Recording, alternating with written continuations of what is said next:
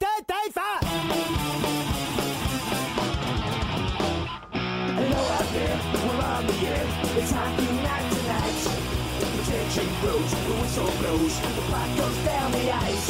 The goalie jumps, the players bump, the fans all go insane.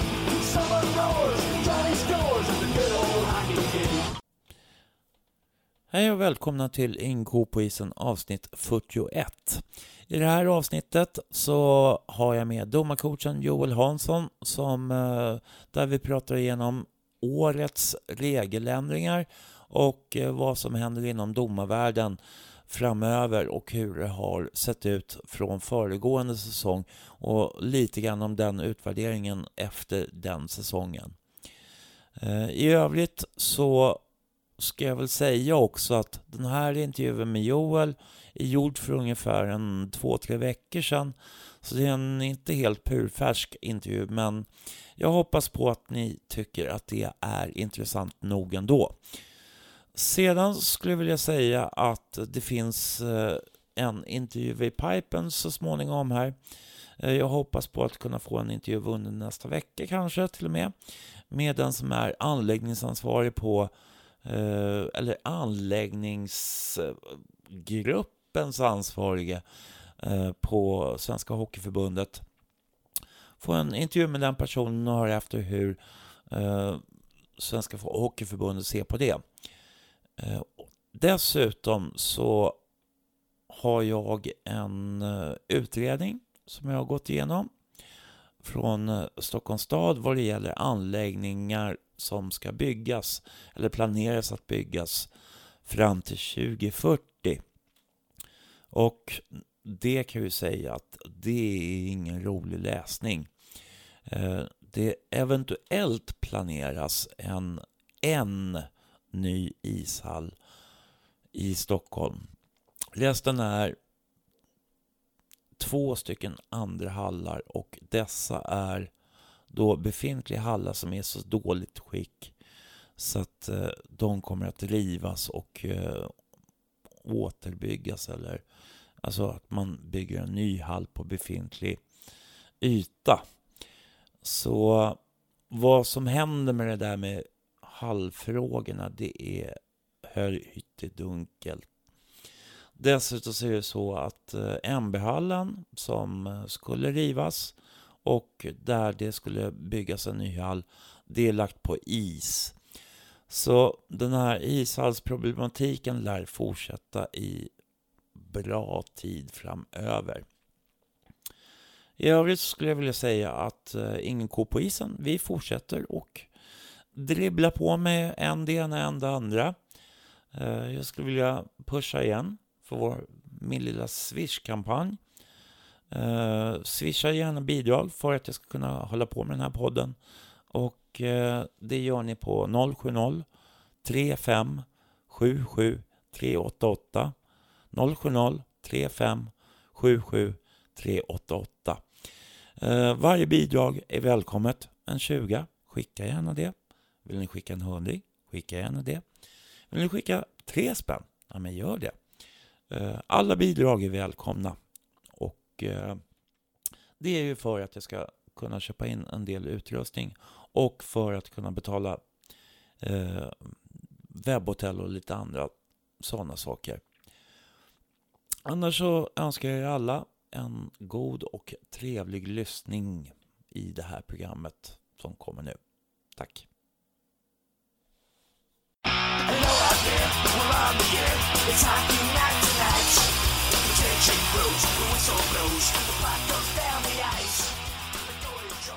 Hej och välkomna till uh, Ingen ko på isen och det här är Stefan Ståhl och idag så har jag en gäst som vi kanske känner igen sedan förut och det är Joel Hansson ifrån Domarförbundet som är domarcoach för Hockeyettan. Hur är läget? Du, det är bara bra tack. Kul att vara tillbaks. Eh, hur är läget som, eh, jag tänkte, vi ska börja lite grann i bakändan lite grann om hur förra säsongen har varit. Oj, ja, jag tänkte säga, det är nästan som man glömt bort det. Nu har vi kommit en bra bit in på den här säsongen, men eh, förra säsongen, jag skulle vilja säga att eh, jag ser väl liksom inga, inga konstigheter om man ska säga så. Det var en, en väldigt spännande säsong med många tajta matcher, men som sagt det är jättesvårt. Nu är vi inne liksom nästan halvvägs i den här säsongen, så ja, det var ett tråkigt svar kanske, men lite så är det. Man, man, man går igenom, man analyserar, man, man går vidare och så liksom dyker hela tiden upp nya grejer. Hur utvärderar man säsongerna? Eh, gör man någon egentligen genomlysning av hur det ser ut? Och jag skulle vilja säga att vi, vi jobbar på flera olika plan när det kommer till att analysera liksom den, den verksamhet vi håller på med. Jag tror att vi börjar med att framförallt att, att alla de som är ansvariga, om vi tar Hockeyettan specifikt, gör ju en, en, ett redigt genomgång av, av domarna som är där. Prestation både på kort sikt i de, de kvalserier och de liksom avslutande serierna vi har haft. Men sen gör vi också analyser utifrån hela säsongen och då kollar man allt från egentligen vad, vad har vi fått för input från lagen när vi är ute i hallarna? Vad har vi fått för statistik jämfört med förra året? Vi har ju en, en enormt stor statistikbas liksom med utdömda utvisningar. Vem dömde mest av något? Vem dömde minst av något? liksom på något sätt kunna koka ihop alla de där siffrorna och också se hur har människorna som har dömt, hur har de utvecklats? Eh, och vilka steg har de tagit framåt? Alternativt någon kanske tog några steg bakåt och hur kan vi göra det bättre till, till nästa säsong? Så Eh, det är väl det arbete som liksom pågår egentligen hela sommaren, precis som ett hockeylag. Och innan säsongen börjar så ser vi hur, hur vill vi spela till den här säsongen. En del av vår första femma, om man får uttrycka det så, de går ju upp till Hockeyallsvenskan. Eh, precis lite som för spelarna. Och, och där har ju vi också eh, fyllt på till en ny första femma. Vi har också tagit upp nya domare som vi vill liksom ska bli vår framtida första femma också. Hur tycker du att eh, det har sett ut då? Uh, hur känns det? Tycker du att de har fått det stödet, de nya?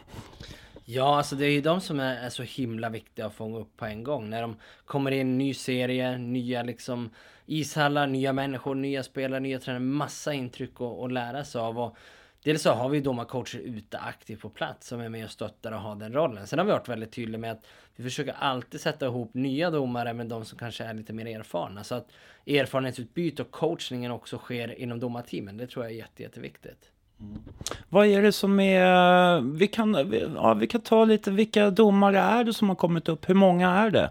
Ja, nu har vi Hockeyettan, om vi tar det framförallt så är det 110 domare totalt. Eh, så nu sätter du mig lite på potten här och kommer ihåg alla namnen. Men, men ser man östra gruppen så har vi ju eh, lite passande när Hammarby podd så det är ju Mattias Enroth som har spelat i, i Hammarby tidigare. Uh, och han är ny huvuddomare i Hockeyettan vilket känns jättekul. Han har börjat jättebra. Uh, samma har vi en kille, Niklas Johansson, som är ny underifrån så att säga och med han flera linjedomare bland annat. Fredrik Engert, eh, Filip Samuelsson. Så vi har ett, ett flertal, om man kollar Stockholmsområdet framförallt och östra serien, nya killar som, som kommer underifrån. Det är så enormt kul att jobba med de här. För just att de är förberedda, de har gjort fysen, de har gjort alla förberedelser verkligen vad vi har kunnat förvänta oss av dem. Så på det sättet känns det jättekul att få liksom ta en, en ny kull, eller en ny omgång med domare underifrån som, som verkligen levererar över vad vi har förväntat oss. Vad är det för uh, nya regler framförallt som du säger inför den här säsongen som har kommit? Hockey är ju komplext på många sätt, men, men framförallt det, det som vi hade till den här säsongen, det är att vi är i en så kallad regeländringsperiod. Eh, internationellt, och vi följer ju deras internationella regelbok, då uppdaterar man regelverket vart fjärde år. Det kan man tycka lite vad man vill om och vi tyckte väl att det var väl inte så jättebra för hockeyn utvecklas väldigt snabbt i Sverige tycker vi. Så vi, vi gjorde så i år att vi tog den här regelboken som redan var svensk men vi gjorde om den lite. Vi paketerade om lite, slog ihop vissa regler, de behöver inte vara utspridda och, och försvenska dem lite ska man väl liksom kunna säga. Eh, och i det arbetet också så såg vi att här, här kan vi ju liksom också förbättra vissa regler där det kanske är svårigheter att tolka det. Det kanske är svårt för publik och ledare att förstå vad man menar och, och lite så med regeln. Och, och samtidigt också tror jag det som är viktigast det är ju spelarnas säkerhet och på något sätt ge förutsättningar för det mest spelande laget som åker mest skridskor att alltid ha en fördel. Och för att konkret liksom ta upp någonting så har vi bland annat gjort att ett lag som spelar till icing eh, har ju kanske ibland saktat ner spelet, de vill vila, de får inte åka och byta. Eh, och då har de här, vissa satt i system att man skickar fram högerbacken som slashar på motståndaren. Så ska man byta och det tar tid och man blir långsamt. Så det har vi sagt till år att spelar man pucken till icing och så börjar man tjuva på efterföljande nedsläpp om man är försvarande lag. Då får man stå kvar. Och då ska nedsläppet gå jättefort efter, för då ska man inte hinna vila. Och det är en sån där grej liksom som vi tror kan utveckla hockeyn. Eh, som vi tror liksom kan bibehålla tempo i matcherna, göra det mer spännande, bli mer fart. Eh, så det är en förändring. Eh, en annan... Powerplay? Ja, precis. I... Eh, framförallt i overtime och i, vad heter straffslag så har vi sett den största förändringen. Där vi gå till tre mot tre i, i overtime. Först spelade vi fyra mot fyra. Samma straffläggning så lägger vi fem straffar i Hockeyettan eh, mot tidigare tre straffar. Och där vet jag det har varit mycket diskussioner om, ja men till exempel SHL och Hockeyallsvenskan, de har ju valt att ha tre straffar. Eller valt, de har fått dispens av oss att, att ha tre straffar. Och där är största anledningen, de har ju ett, ett tv-format i varje match som fem straffar passar sig liksom inte där. Och jag skulle vilja säga att Hockeyettan många andra serier, Superelit och, och SDHL, de har ju ett format där mycket av upplevelsen är på plats. Och där tror vi att många straffar, eh, många av de duktiga spelarna får visa upp sig, skapa en spänning i, i matchen där också. Eh, vad har vi mer för förändringar? Eh, det är väl de största liksom så här som, som jag tror att gemene man ser. Eh, och som man liksom också uppmärksammar att, ja ah, men shit, så här var det förra året och nu är det så här. Mm. Uh, ni hamnade ju lite grann i uh, rampljuset här. Jag tror det var allsvenskan då angående, eller var det till och med elitserien angående vissa saker som sades under en hockeymatch nyligen. Ja men precis, det var ju en, en incident där i, i Malmö i SHL där uh, en spelare använde sig av ett sexistisk, eh, sexistiskt eh, språkbruk och det är någonting som vi reglerar väldigt kraftfullt i vårt regelverk. Eh, och man kan tycka liksom, ja men vi, när vi gick ut och pratade om det här och när vi liksom lyfte upp den här problematiken så var det många som sa, ja men så här säger man hela tiden och på skolgården och liksom det här är ju inget konstigt. Och, och det var då vi reagerade lite att det är ju märkligt om sånt här inte är konstigt. För jag tror att inte någon, oavsett på läktaren eller på isen eller hemma eller i ICA-butiken, att man vill bli liksom kallad massa konstiga dumma saker. Det tror jag liksom ligger i vår natur. Att det känns liksom inget bra.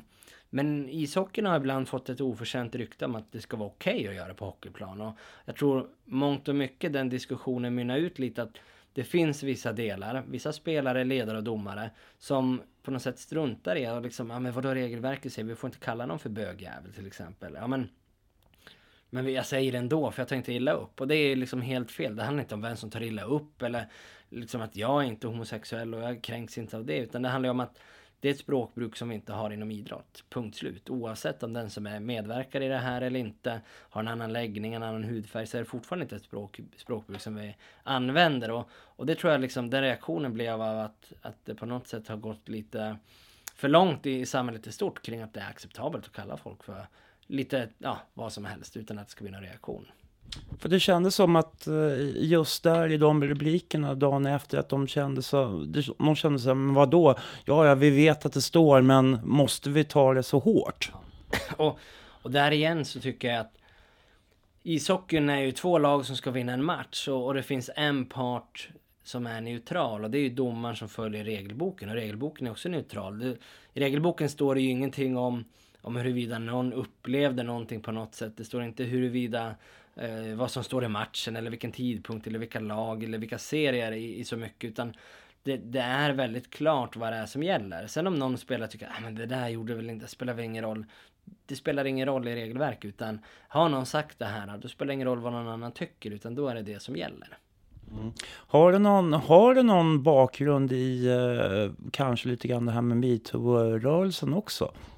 Oj, jag har jättesvårt att säga det. Men det är klart att allting spinner av på varandra. Jag tror att börjar man prata om en grej, till exempel metoo på, på eh, liksom en del av, av eh, samhället där, så är det klart att det, det, kommer in i den här timeout som var med, med hockeyn och idrotten när det kommer till metoo. Och, och då lyfter man ju många frågor. Vad är det som är problemet? Vad är det som är problemet till att det blir så här? Och, och då tror jag att eh, mycket kom in på det här att ja men hela metoo, man behöver inte dra den bakgrunden där, men hela det var ju också bottna i det språkbruk som liksom används. Att är det acceptabelt att kalla varandra för saker? Är det okej okay att spöa på varandra? Ja men då accepterar man andra beteenden också som till exempel innefattades under metoo med, med antastningar, med våldtäkter etc.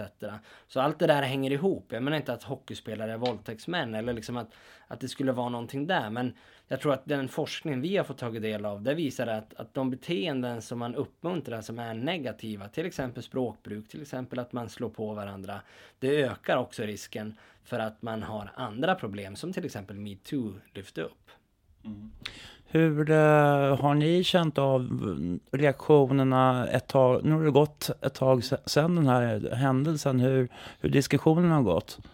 Nej, men det vi ser är att på flera olika nivåer så, så är det klart att det finns domare som har tagit mer utvisningar för och det tror jag är en, en väldigt bra och sund reaktion att just det blir ett medvetandegörande att okej, okay, det här är ju inte okej, okay, det här måste vi ta för. Och det tror jag är värt jättemycket i sig. Eh, så det ska vi fortsätta göra. Vi ska fortsätta att informera. Vi ska fortsätta att trycka ut till domarna att det här är viktigt. Det här får vi liksom inte slappna av på. Eh, och det känner jag att där är vi på god väg. Det gäller på att vi kontinuerligt omgång efter omgång försöker leva upp till det här eh, i alla våra matcher där alla 47 lag i Hockeyettan deltar. Mm.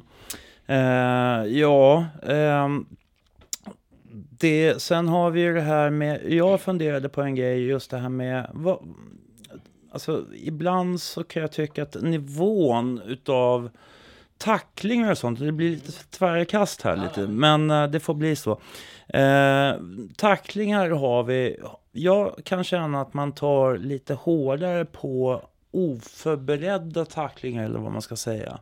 Ja, och det, jag tycker det är bra att du reagerar på det också, för det är någonting vi har pratat mycket på.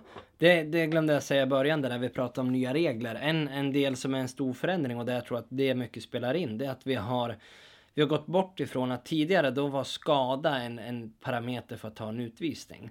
Och då har vi sagt att det är väldigt svårt att ha en skada som liksom avgör om det är utvisning eller inte. För att en tackling kan vara jätteschysst. Och så av någon anledning så råkar den här spelaren bli skadad. Och då har vi bestraffat spelaren som har tacklat en schysst tackling för att den andra råkade av effekten av tacklingen bli skadad. Um, och då har vi mer kollat, okej okay, det är handlingen i sig. Om någon tacklar någon som är oförberedd till exempel i en dålig position så spelar det ingen roll om den spelaren blir skadad eller inte. Det är fortfarande inte okej. Okay. Och, då kan det vara en väldigt våldsam tackling, sen tackling framför allt. Eh, där spelaren inte är beredd och där han inte blir skadad utan kanske spelar vidare. Så utifrån förra året skulle det inte varit någonting. Men i år så är det ju okej, okay, ja, men det här är ju en, en, en ful tackling, ingen skada och då ska det fortfarande bli utvisning. Mm. Men eh, jag har, var på en match här med Hammarby Hanviken och, och en av våra spelare, eh, Joakim eh, Albertsson, han vart utvisad och fick matchstraff på den. Eh, den spelaren som har pucken, han står och dräller och tittar åt ett annat håll. Tycker du fortfarande att det ska vara en matchstraff på det? Oj, det är ju jättesvårt det här med specifika liksom, situationer sådär.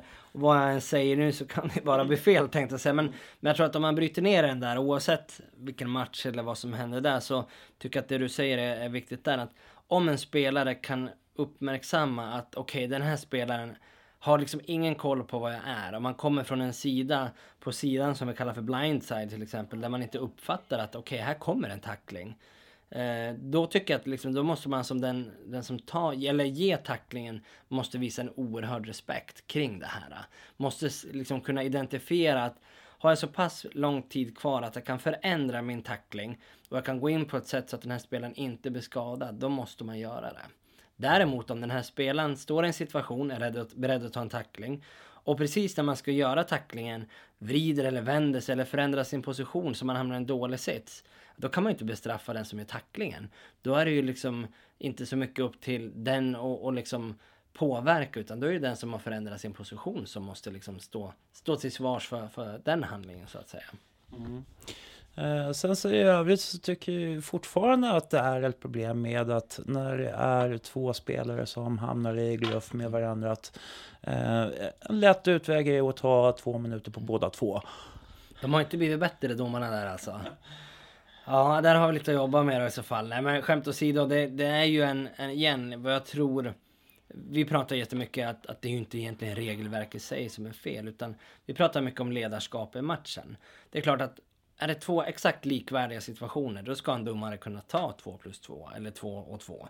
Så jag menar, det är ju inga konstigheter i, i, i det att det uppstår. Men jag tror att allt för många gånger så, så har man lite svårt att differentiera mellan, okej, okay, vem var det som startade? Vem var mest aktiv? Hur många slag slog de? Man blir liksom så inne i situationen så det är svårt att, att göra den differentieringen. Och det är någonting vi jobbar väldigt mycket med, med domarna. Kolla på handlingen, vad är det som sker? Vem startar? Vem är drivande? Kan man göra en differentiering just för att påvisa att det är ingen idé att slåss? För det kostar om man slåss. Mm.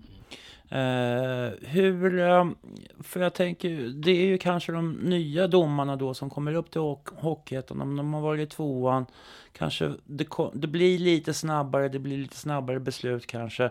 Hur, hur får man dem att bli jämnare över en hel match?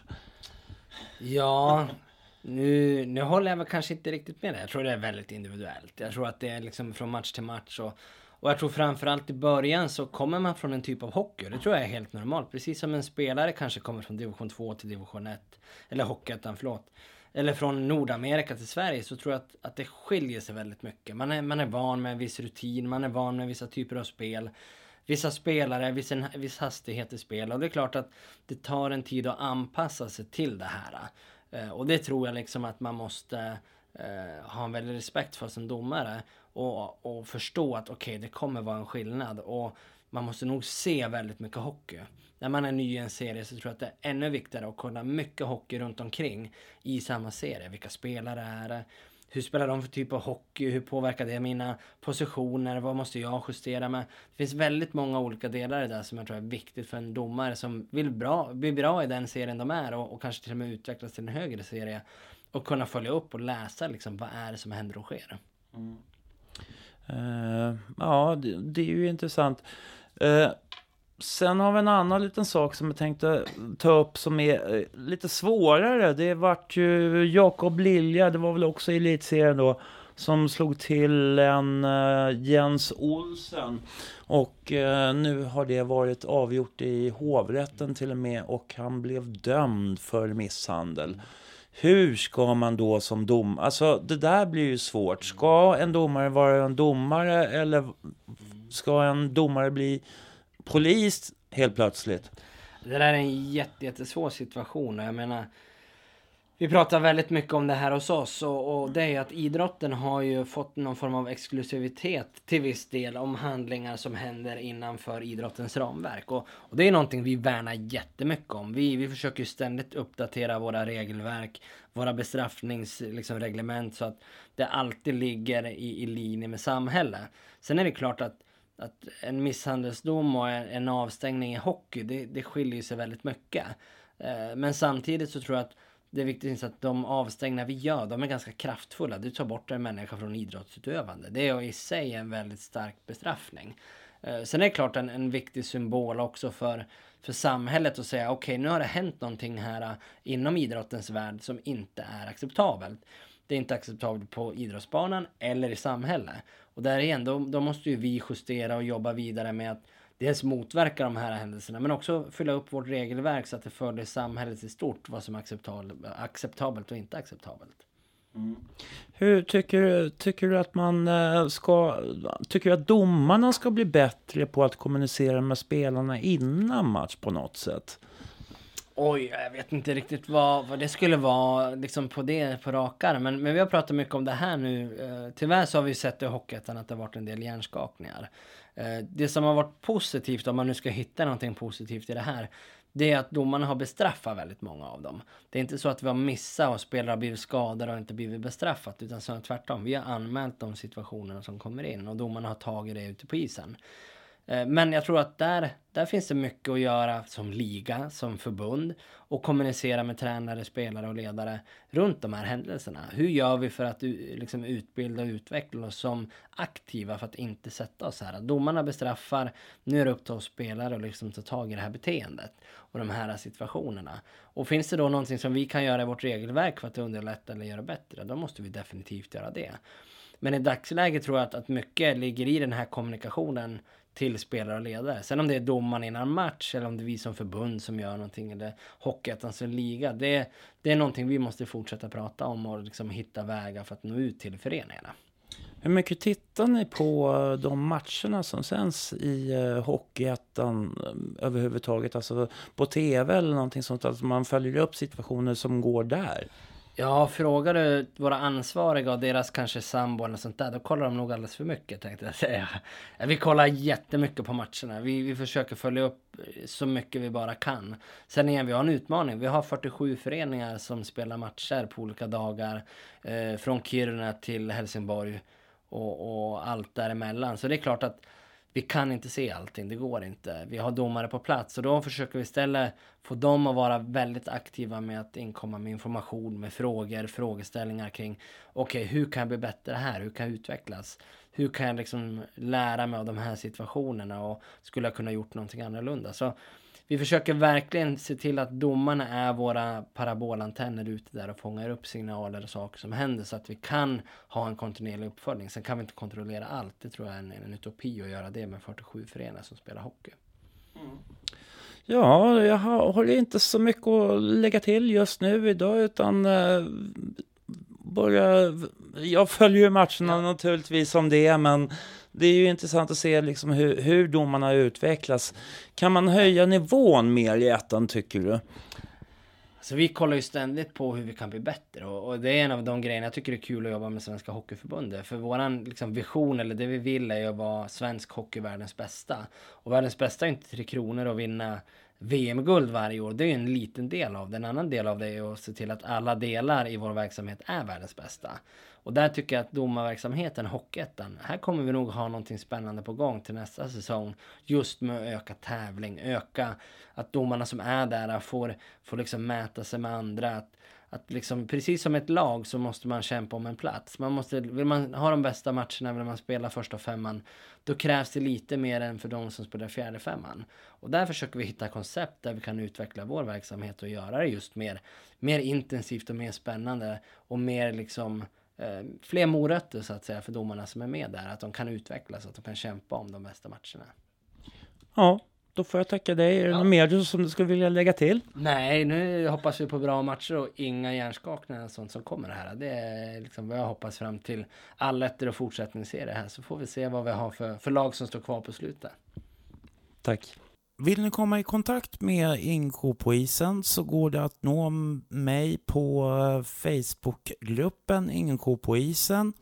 Eller så kan ni gå in på hemsidan inkopoisen.se och skriva in eh, ert namn och skriva meddelande i kontaktformuläret där. Eller så kan ni mejla på ste stefan inkopoisen.se stefan at ingenkopoisen.se där ni kan mejla era synpunkter på vad ni tycker om programmet, komma med inspel om vad ni tycker att vi ska ta upp och eh, ja, idéer framöver på kanske någon längre artikel eller poddserie som vi tycker att vi ska göra. Eh, ja, så kör hårt med det. Och sedan så glömmer vi inte bort att swisha gärna på 070 35 77 388 070 35 77 388 för att bidra till att den här podden fortsätter att fungera och finnas och kanske också utvecklas om jag får ihop tillräckligt mycket. Tack så mycket!